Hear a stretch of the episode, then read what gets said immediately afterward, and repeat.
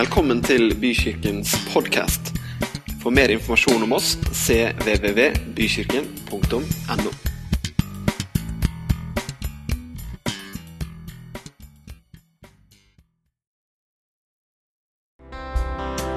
Vi takker deg, Herre, for at din trofasthet den er stor. Takk for at du holder oss oppe. Takk for at du alltid står med oss. Skal vi ikke bare be sammen før vi deler Guds ord? Vi reiser oss opp, og så kan du ta de tingene som ligger deg på hjertet. Det som du opplever at du står midt i kampen med. Det som du så gjerne skulle hatt et svar på. Den situasjonen som du ikke helt kan forklare. Vi løfter det sammen opp til Herren.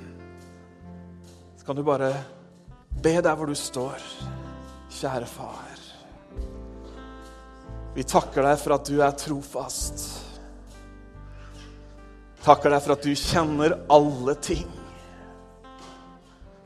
Finnes ikke en avkrok du ikke har innsikt i. Men du er stor, og du er mektig. Du har et navn som er over alle navn. Derfor så løfter vi det som ligger på våre hjerter, det som tynger skuldrene våre, det løfter vi til deg nå som et fellesskap som din kirke. Og så ber vi deg, Herre, om å hjelpe oss. Vi ber deg om å gripe inn. Vi ber deg om å helbrede. Jeg ber deg, Herre, om å gjenopprette de ødelagte relasjonene. Å, Far, vi takker og vi priser deg. Takk at du bærer våre byrder. Takk at du har sagt at vi kan kaste vår bekymring på deg. Og vi gjør det nå, og vi gjør det i Jesu navn. For han har åpnet en dør for oss. Han har åpnet en ny og en levende vei. Amen. Amen. Kan du få sette deg, så skal vi dele Guds ord. Jeg for min del kunne egentlig bare fortsatt å lovsynge nå, kjenner jeg. Det er noen, eh, det er noen tekster vet du, disse sangene som bare tar oss sånn Ja. Jeg vet ikke om det bare er meg, men det hender jeg står her i lovsang og glemmer hvor jeg er for dere som har det sånn innimellom. Hvor man kjenner at Guds nærvær er her. Og det er jo sånn at Der hvor Guds nærvær er, der er det utrolig godt å være. Amen. Gunnar var på, vet du. Det var da han skulle si amen. Der hvor Guds nærvær er, der er det godt å være.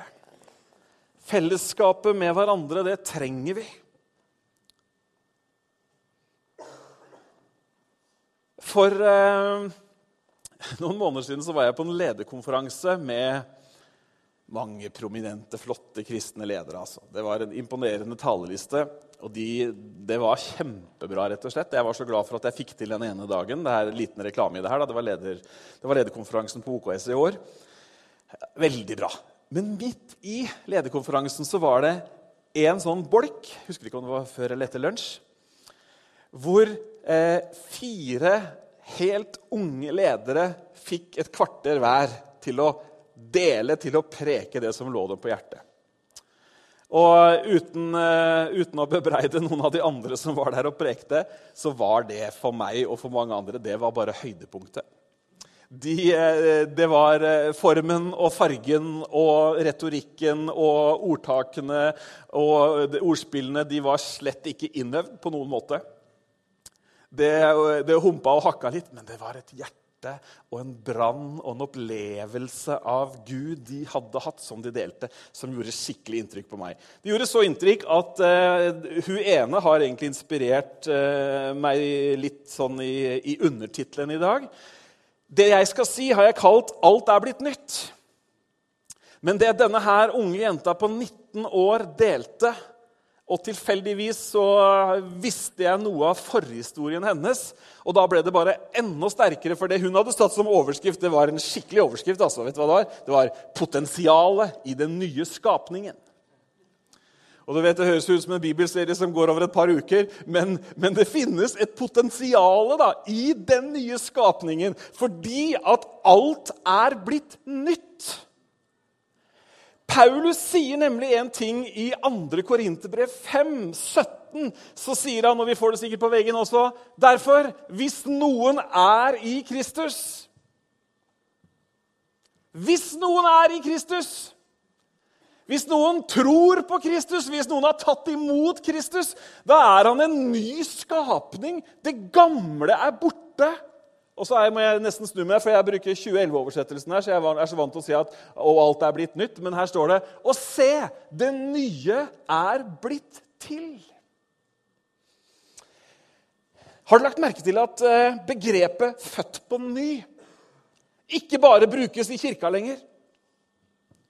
Har du hørt det av og til når noen skal beskrive en eller annen sånn skjellsettende, euforisk eller en eller annen spesiell opplevelse, så sier de helt uten kristentro, helt uten noe at det, må jo være, det, det, det, å, det, er vel det som er å bli født på ny? Noen som har hørt denne her? Ingen har hørt den her. Det hender det brukes i eh, noen filmer. Jo da, noen har hørt den. Og Bibelen snakker jo om deg og meg, om den som tar imot Jesus bruker jo det begrepet at vi har blitt født på ny. Det høres jo helt ulogisk ut for vår fysiologiske kropp at vi skal bli født på nytt. Eh, det var jo én på Jesu tid som eh, var litt pinlig berørt over at han i hele tatt ikke visste svaret på det spørsmålet. Nemlig Nikodemus dukka opp hos Jesus om natta. En fariseer, en av jødenes rådsherrer. Og oppsøkte Jesus om natta når ingen kunne se det. Og så sa han du, vi skjønner jo det at det du driver med, er fra Gud. For det er ingen som kan gjøre det du gjør uten at det er fra Gud. Men, men, men, men hva er dette? liksom? Jo, nei, du må bli født på ny, sier Jesus. Og denne lærde mannen jeg synes jeg ser han står og stotrer. Ja, men hvordan kan nå dette skje, da? Jesus, skal man på ny komme inn i mors liv og bli født? Og så, og så underviser han Jesus om hvordan dette skjer. Men poenget er jo her nå at alt har blitt nytt. Hva betyr det at alt har blitt nytt? Hvis du kanskje har sånn før- og etterbilde eh, Jeg vet ikke om noen har tatt det. Før en eller annen sånn der bli ny-dag eller et eller annet, så har du sett sånn før- og etterbilder. Men hvis du har sånn før- og etterbilde på tidspunktet du tok imot Jesus, og etter, så er det ikke sånn at du ser fysisk totalt annerledes ut. Eller er det noen som kan vitne om det? Ikke fysisk, men det har skjedd en radikal endring inni oss.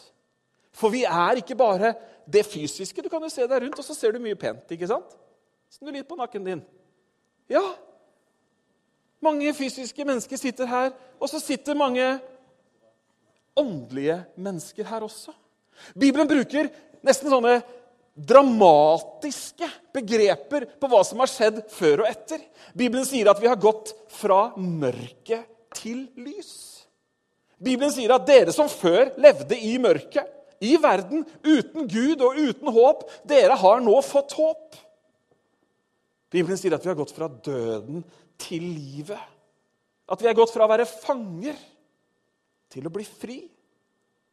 Fra fortapt til funnet. I dag har jeg lyst til å snakke om én side av dette. Og det er nettopp sånn, nemlig, dere, at når jeg kaster ut påstanden, eller når jeg kommer med proklamasjonen at alt er blitt nytt, så er det det som er realiteten for deg og meg som tror. Hvis du er her og ikke tror, så har jeg gode nyheter. For de gode nyhetene er nemlig at du kan også oppleve at alt blir nytt. Du kan også oppleve at du blir født på ny, ikke at du kommer ut i en ny fysisk skikkelse, men at ditt åndelige menneske blir født på ny. Det er vår posisjon, det er vår stilling, det er der vi er som troende. På samme tid så opplever mange at det å leve det livet hvor alt er nytt, hvor man er en ny skapning, det kan være utfordrende. Gud vet at det kan være utfordrende.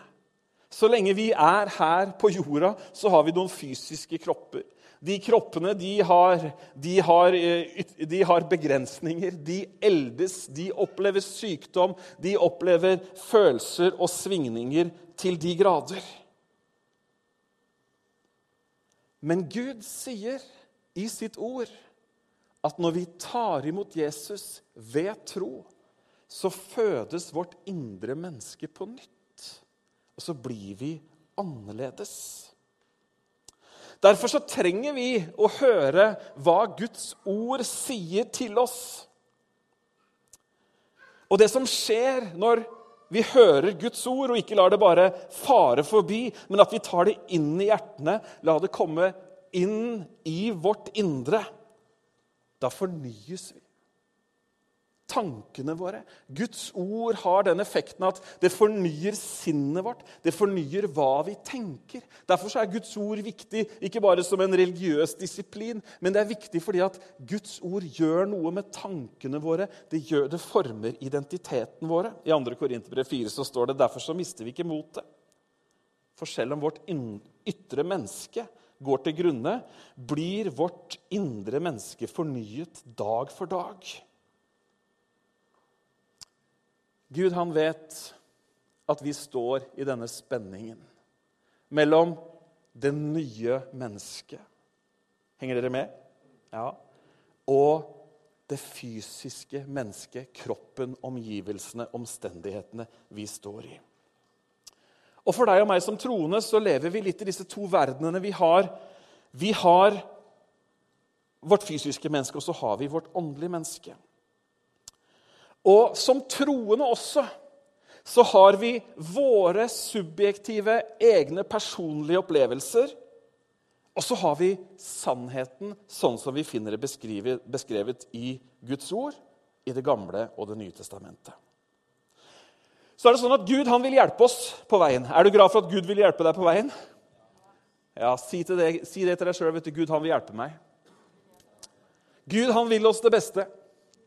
Han vil virkelig at du og jeg skal ta inn over oss denne sannheten at alt er blitt nytt.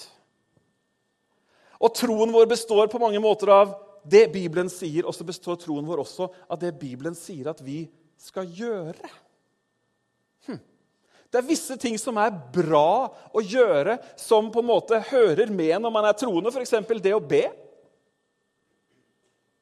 Bibelen snakker ikke om hvis dere ber, men han snakker om når, det, når vi ber. Andre ting som er bra å gjøre, som påvirker troen, og som også gir her, denne nye skapningen eh, hva skal man si, kraftfôr, som gir en næring, det er lovsang.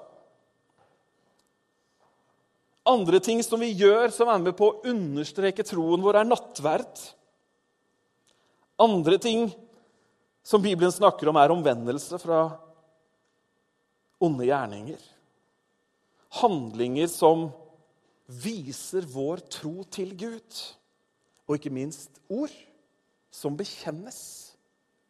Hebreerbrevet sier at vi skal holde fast på bekjennelsen av vår tro. I dag skal jeg snakke om ett viktig uttrykk som Bibelen snakker om, og det er det jeg skal vie egentlig resten av tiden min til. Et, en handling som uttrykker veldig tydelig hvem vi er, og som er til hjelp for deg og meg i vår vandring som troende. Og Da tenker jeg at du retta deg litt opp i stolen og tenkte at du verden, nå skal jeg få noe som er til hjelp for meg. Ok? Du er glad for det? Hørte før si ja, men dette blir til hjelp for deg. ok? Dette jeg skal snakke om, det finner vi i evangeliene. Vi finner det klart og tydelig og praktisert i apostlenes gjerninger.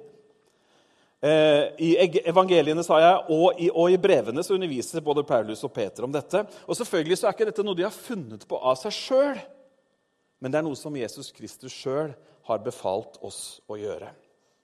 Matteus 28, 18. Da trådte Jesus fram og talte til dem. Jeg har fått makt all makt i himmelen og på jorden. Gå derfor og gjør alle folkeslag til disipler. Døp dem til Faderens og Sønnens og Den hellige ånds navn. Og lær dem å holde alt det jeg har befalt dere. Og se, jeg er med dere alle dager inntil verdens ende.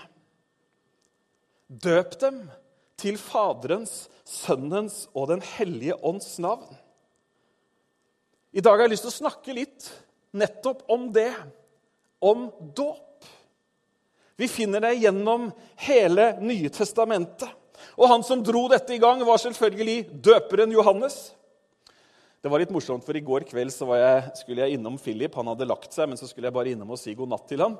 Og så I tussmørket der så sto han bøyd over nattbordet og bladde i barnebibelen. Da hadde han jo fått sin dose med barnebibel allerede, men han, han syns jo aldri en historie er nok.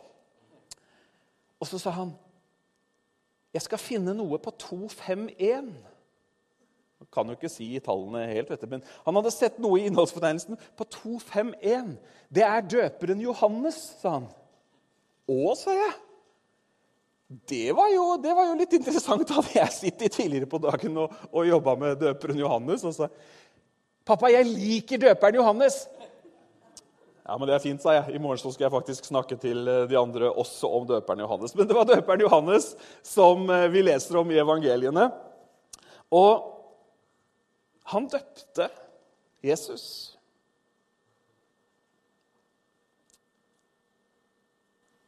Han hadde noen innsigelser på det.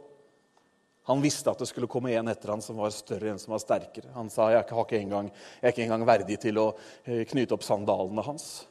Men Jesus kom og insisterte på at han skulle døpes av Johannes. Og vi kjenner den spektakulære historien. Himmelen som åpner seg. Ånden som kommer ned i skikkelse av en due, og stemmen som lyder, 'Dette er min sønn, som jeg har behag i'.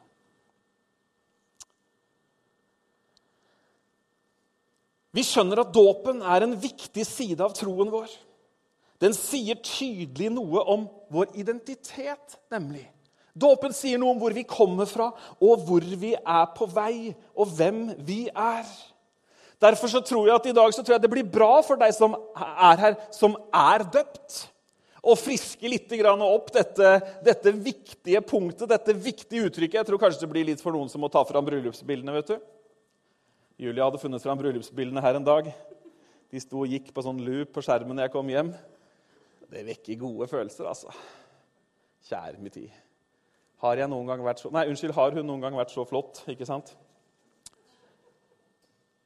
Hun har jo det. Jeg var, ja, sa jeg noe galt nå?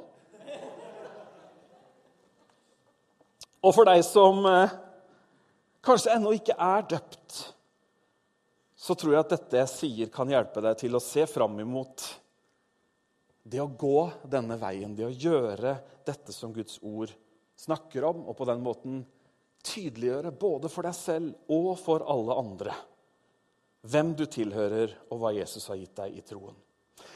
Det er trist at spørsmålet rundt dåp har blitt et stridsspørsmål og skapt sterke følelser og harde fronter. Denne søndagen og det jeg sier, er ikke ment til å bidra til det. Vi tror nemlig, denne kirken tror nemlig, at dåpen er gitt oss av Gud for at vi skal få en dypere forståelse av troen på Jesus. Vi tror at dåpen er en åpenbaring, en synliggjøring av vår identitet som troende. Vi tror at det er et fysisk uttrykk om en åndelig sannhet. Og vi ønsker å holde fram og forkynne det som Bibelen underviser om dette. Vi forstår alle bibelversene om dåp som noe vi skal praktisere snarere enn diskutere. Som kirke så har vi det man kaller et baptistisk syn på dåp. Det betyr, at en dåp hos oss Mange av dere kan dette, altså, men jeg sier det allikevel. En dåp hos oss betyr at den troende, den som døpes, dykkes helt ned i vannet, for så å reises opp igjen. Og dette skjer på bakgrunn av den enkelte troendes bekjennelse av sin tro, og det skjer i Faderens og Sønnens og Den hellige ånds navn. Så la oss se litt nærmere på dåp sammen. Skal vi gjøre det? Ordet som brukes for dåp gjennom Det nye testamentet, er det greske ordet 'baptisto', som betyr å dykke helt under. En litt sånn morsom, morsom, eh, morsom parentes.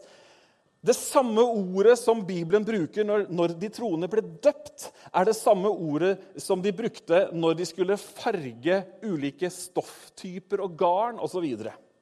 Altså noe som skulle dyppes helt under for å trekke en farge til seg, for å så komme opp igjen med en annen farge. Morsomt at det er akkurat det samme ordet som blir brukt. Men det er også faktisk et utrolig godt bilde, en god forklaring på hva som skjer når vi døpes. For vi blir nemlig ett med Jesus Kristus. Ett med hans død. Vår synd og skyld dør der. Og så er vi ett med han også i hans oppstandelse. Og vi sier at vi reises opp til å leve et nytt liv. Men hva finner vi i Bibelen? Du vet spørsmålet 'Hva finner vi i Bibelen?' Eller 'Hva sier Bibelen?' er et veldig godt spørsmål også å ta med seg i mange andre områder av livet. Vi har lett for å google, vi har lett for å finne det ene og det andre. Vi har lett for å spørre kollegaer, vi har lett for å høre med noen som kanskje vet eller ikke vet. Vi ser til trender, vi ser til samfunnsutvikling, vi ser så mye. Men hva finner vi i Bibelen?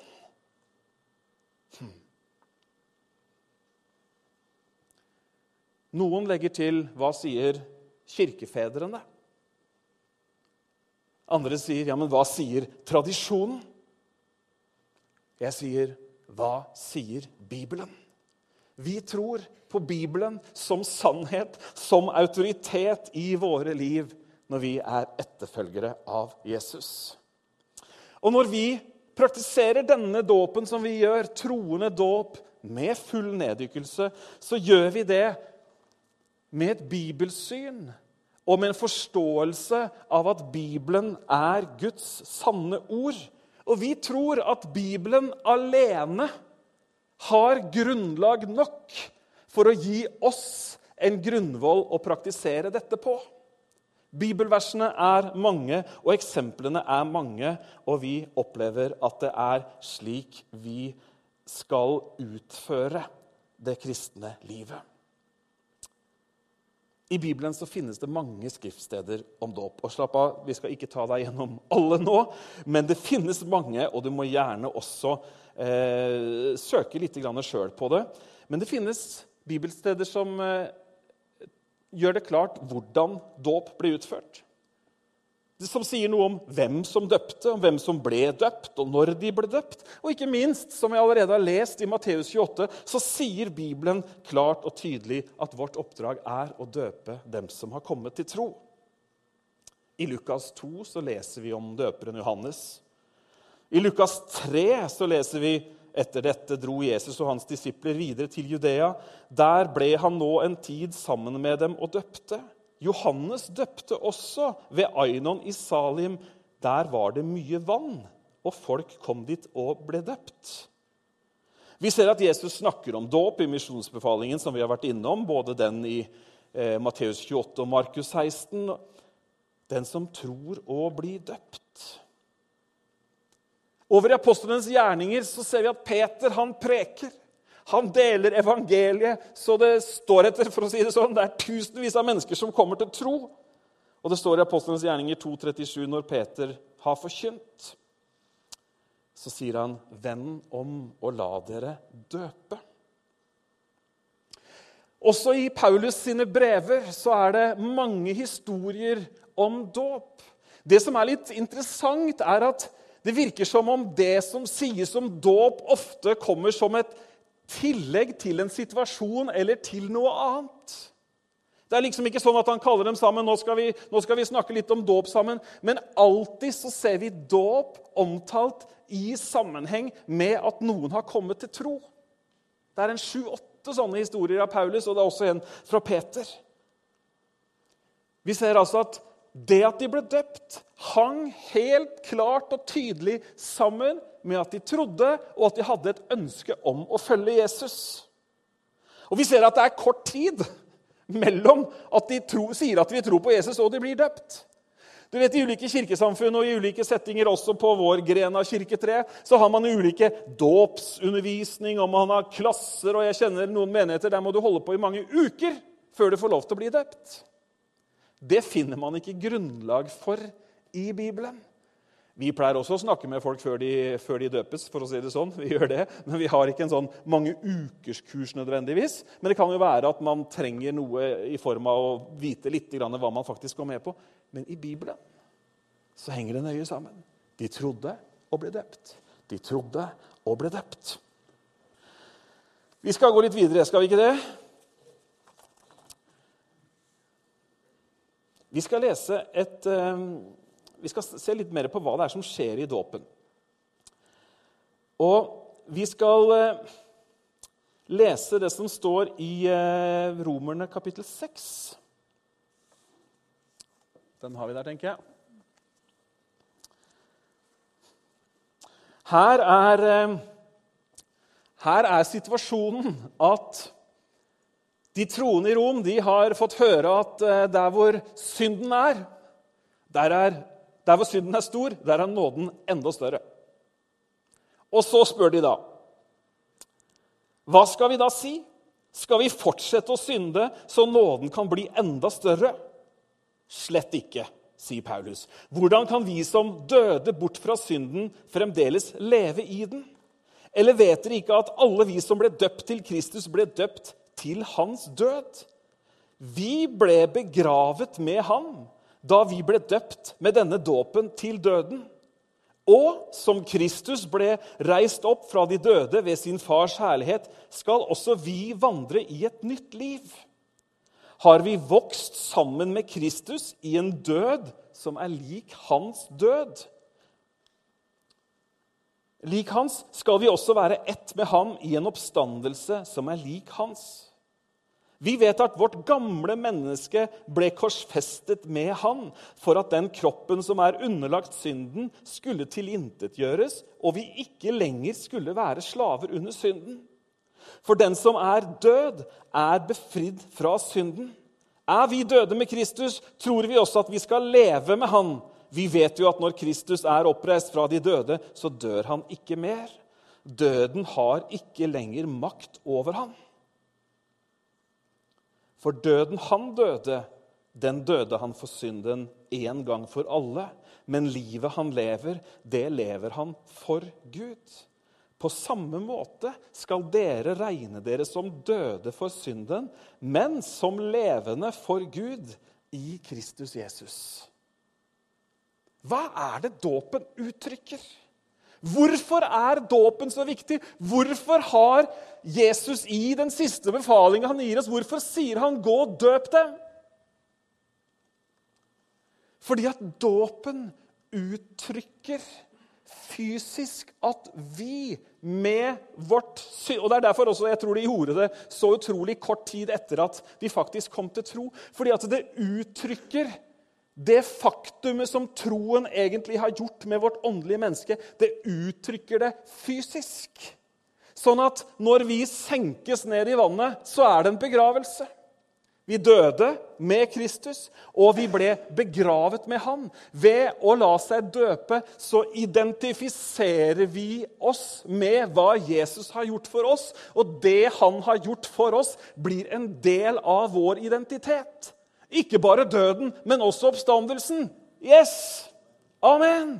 Ikke bare det triste med død. Og, og det, det, det, egentlig så er ikke denne døden trist heller, for denne døden er veldig bra. For denne døden er død over synd. Dette er en død over syndens makt.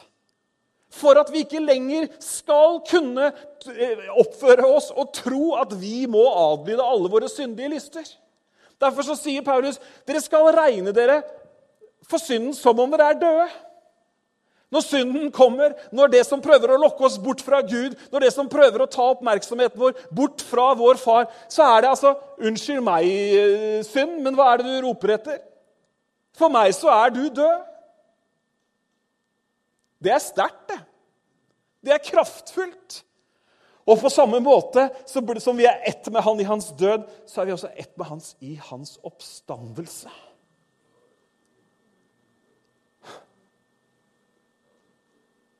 Oppreist med Jesus Kristus, sier vi i dåpshandlingen. For hva da? For å leve det nye livet. Dåpen er en hjelp for oss til fysisk synlig for oss selv og andre å parkere det som har vært, og begynne noe helt nytt. Dåpen er en proklamasjon. Det er en synliggjøring. Dere kjenner David Flanders, som har vært her og prekt mange ganger. Han kommer forresten nå første helga i juni også. men Han fortalte meg en historie som jeg aldri kommer til å glemme. De hadde dåp. Han bor jo nede på sørkysten i England. Så hadde de dåp på en strand ved et eh, ganske populært turområde. Så det samla seg 150 mennesker i hvert fall der på stranda som skulle se hva, hva disse kristne skulle foreta ute i dette vannet. Og, og, en av de som skal døpe seg, er en ung gutt som nylig hadde kommet til tro. En skater. Så han hadde ødelagt seg pga. skatingen. på en eller annen måte, så Han gikk da på krykker. Og så var det et lite stykke før det var liksom dypt nok i vannet. Så alle står og ser da på denne unge gutten jeg tror han var 16 eller 17, som du kan tenke deg åssen det er å gå på krykker utover i vann. Det høres ikke veldig lett ut i det hele tatt. Jeg håper ikke det var gjørmebunn. for å si det sånn. I alle fall så kommer han seg ut på krykker, og så blir han døpt. Snakk om å gjøre det offentlig. Det var liksom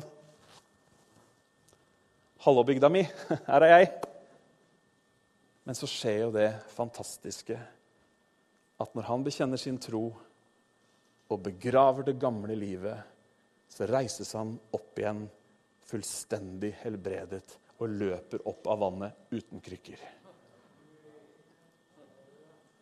Det er ikke alle som opplever det sånn i en dåp, men det er mange historier om troende som har gjort dette som Skriften sier at vi skal gjøre, og som har også opplevd at det fysisk har skjedd noe med dem.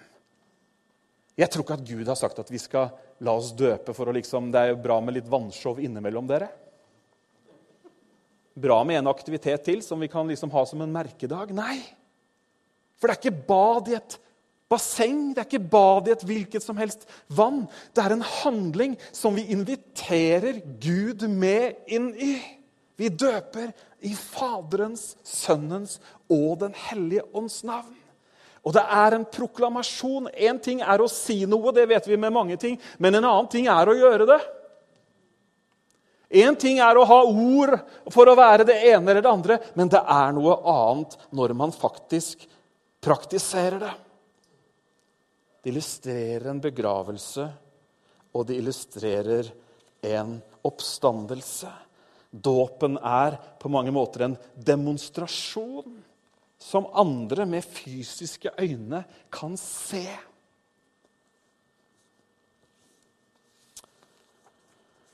Vi skal lese et bibelvers til, skal vi ikke det?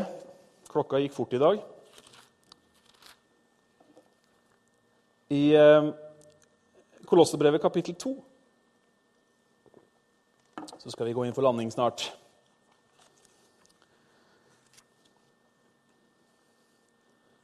For i dåpen her konkluderer Paulus, for i dåpen ble dere begravet med Han. Og i den ble dere også reist opp med Han ved troen på Guds kraft. Han som reiste Kristus opp fra de døde. Dere var døde pga. Misgjerningene og deres uomskårne kjød og blod. Men han gjorde dere levende sammen med Kristus da han tilga oss alle våre misgjerninger. Gjeldsbrevet mot oss slettet han, det som var skrevet med lovbud. Han tok det bort fra oss da han naglet det til korset. Han kledde maktene og åndskreftene nakne og stilte dem til spott og spe da han viste seg som seierherre over dem på korset. Mye av Paulus' undervisning om dåp dreier seg om ord til sånne som oss. Akkurat sånne som oss. Til mennesker som har tatt imot Jesus, som har latt seg døpe.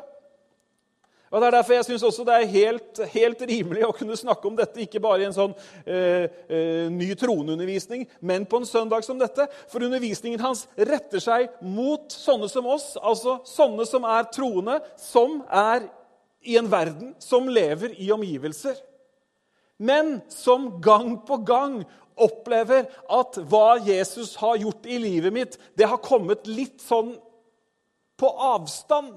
Ikke at, ikke at du har kommet på avstand i troen din, men det faktum hva Jesus har gjort i livet ditt, det er ikke en realitet som på en måte er alltid veldig høyt oppe i bevisstheten. Er du med på tanken? Sånn kan jeg ha det. Og sånn kan du også ha det. Og Derfor så er Guds ord til oss det er nyttig nettopp for å løfte fram sannheten om oss som troende. For du vet at Hvis du tar til deg sannheten om deg som troende, så vil du bl.a. ta til deg det faktum at ja, men når jeg ble døpt, da ble dette her begravet. Det døde for at jeg faktisk kunne få et nytt liv. Og det er det nye livet jeg egentlig er kalt til å leve. Gud har jo ikke frelst deg og meg. Han har jo ikke tatt oss inn i sin familie for at vi skulle hele tiden oppleve at, at synden eh, holdt oss fanget fortsatt. Nei, Bibelen sier at til frihet har Kristus gjort deg fri. Hvorfor? Jo, for at du ikke lenger skal legges inn under trelldom eller inn, inn, under fangenskap. Gud har jo ikke latt deg komme til tro for at du så skal oppleve at nei, den troen det var ingenting i det hele tatt. Da sier jeg frimodig at det med dåpen er et sånt uttrykk, det er en sånn dato, det er en sånn hendelse som hjelper oss som troende til å faktisk ha litt for øye hvem vi egentlig er. For du vet at jeg er en fysisk person. Jeg er Bent Ove. Jeg er 44 eh, år, snart 45. Og jeg lever i visse omstendigheter som er fysiske. Det gjør du også i dine omstendigheter. Men en sannhet som er like sann, er at jeg er en ny skapning ved troen på Jesus. Og ved å holde det faktum høyt oppe for meg, så påvirker mitt fysiske liv Det blir påvirket av det indre mennesket. Min påstand er at veldig mange opplever det akkurat motsatt. At det er hverdagen som tar oss. Hallo? At det er omstendighetene som dikterer. At det er alt som treffer oss vår vei. Det er liksom det vi på en eller annen måte prøver å navigere mellom. Men vi er skapt til et nytt liv. Bibelen sier at vi faktisk, dere som har fått rettferdighetens gave, romerne 5, 17, 18 osv. De som har fått rettferdighetens gave og nådens overflod, skal lede Eller i noen oversettelser står det herske i dette livet. Unnskyld meg. Nå er det ikke populært å bruke ordet 'herske'. Vi snakker jo om hersketeknikker. Men hvis du kan noen hersketeknikker overfor syndens kraft i ditt liv så, Hvis du skal ha en, så er dåpen en av dem. Hallo? Dette hadde jeg ikke skrevet i manus. Det var faktisk ganske bra. Det er en av hersketeknikkene. Skal du ha noen andre hersketeknikker over djevelen? Bønn og lovsang. Skal du ha noen flere hersketeknikker over djevelen? Bekjenn din tro. Han må nemlig på Bibels grunn fly fra dere. Men altfor ofte så blir den nye skapningen putta inn i en liten boks som vi tar fram når vi skal på gudstjeneste. Nå vet jeg at det setter på spissen, det er ikke sånn. men vi, vi gir i alle fall den nye skapningen litt for liten plass. Men Gud vil at vi skal gi det en stor plass, og han vil at den nye skapningen skal bekjennes for makter, for myndigheter, for tante og svigermor og naboer og venner og for meg selv. Jeg er begravet med Kristus. Det er dødt. Men så er jeg også stått opp igjen for å leve livet sammen med Han. Det er jo det vi vil av dere. Leve livet sammen med Han. Alt annet blekner. Alle menneskelige ambisjoner blir veldig blasse. Alt annet kan neppe konkurrere. Vi er kalt til å leve dette livet. Og dette livet begynner her inne. Det begynner ikke med at du og jeg tar oss sammen. Det begynner ikke med at du og jeg flekker på fasaden vår, men det begynner med den nye fødselen. Komme til tro, og så la det som er født i oss, dette nye livet. La det få rom, la det få næring, la det vokse. Det var det den jenta på 19 år, med en historikk som du ikke hadde trodd hvis jeg hadde tatt den. Det var dette hun hadde sett, og som hun delte med oss den dagen, vi lederne som var der. Potensialet i den nye skapningen. Det er oppstandelsesliv. Det er seier over synd. Det er seier over fristelser. Så kan vi selvfølgelig gå på trynet. Så kan selvfølgelig ting skje. Det er ikke det jeg snakker om i det hele tatt. Men da er det en sannhet som sitter i oss, og som dåpen har hjulpet oss med å uttrykke. Jeg er begravet. Det er dødt. Det nytter ikke, for det finnes et oppstandelsesliv. Amen. Vi kan få lovsangerne opp. Så skal vi avslutte. Rent praktisk eh, i bykirken så er det sånn at vi er ikke så mange at vi har dåp på sånne faste datoer i året. Vi kommer nok til å komme dit hvor vi kommer til å liksom blinke ut noen i halvåret. Men sånn vi har gjort det til nå, er at vi, vi eh, snakker med folk. Og når folk ønsker å døpe seg, så arrangerer vi dåp i, i nær tid i, i, etterkant av det. Og vi skal snart ha dåp i bykirken også. Hvis du ønsker etter dette å prate mer med meg rundt dette, så er du selvfølgelig hjertelig velkommen til det. Skal vi be en bønn sammen? Kjære far, jeg vil takke deg for ditt ord. Jeg vil takke deg for din kjærlighet til oss. Takk for det du har begynt i oss. Og Herre, jeg ber om at vi må gi akt på det du har sagt i ordet ditt, sånn at vi kan vokse. At vi må ta de utfordringene du gir oss gjennom ditt ord sånn at vi kan gå videre og vokse til manns og kvinnes modenhet i troen på deg. Amen.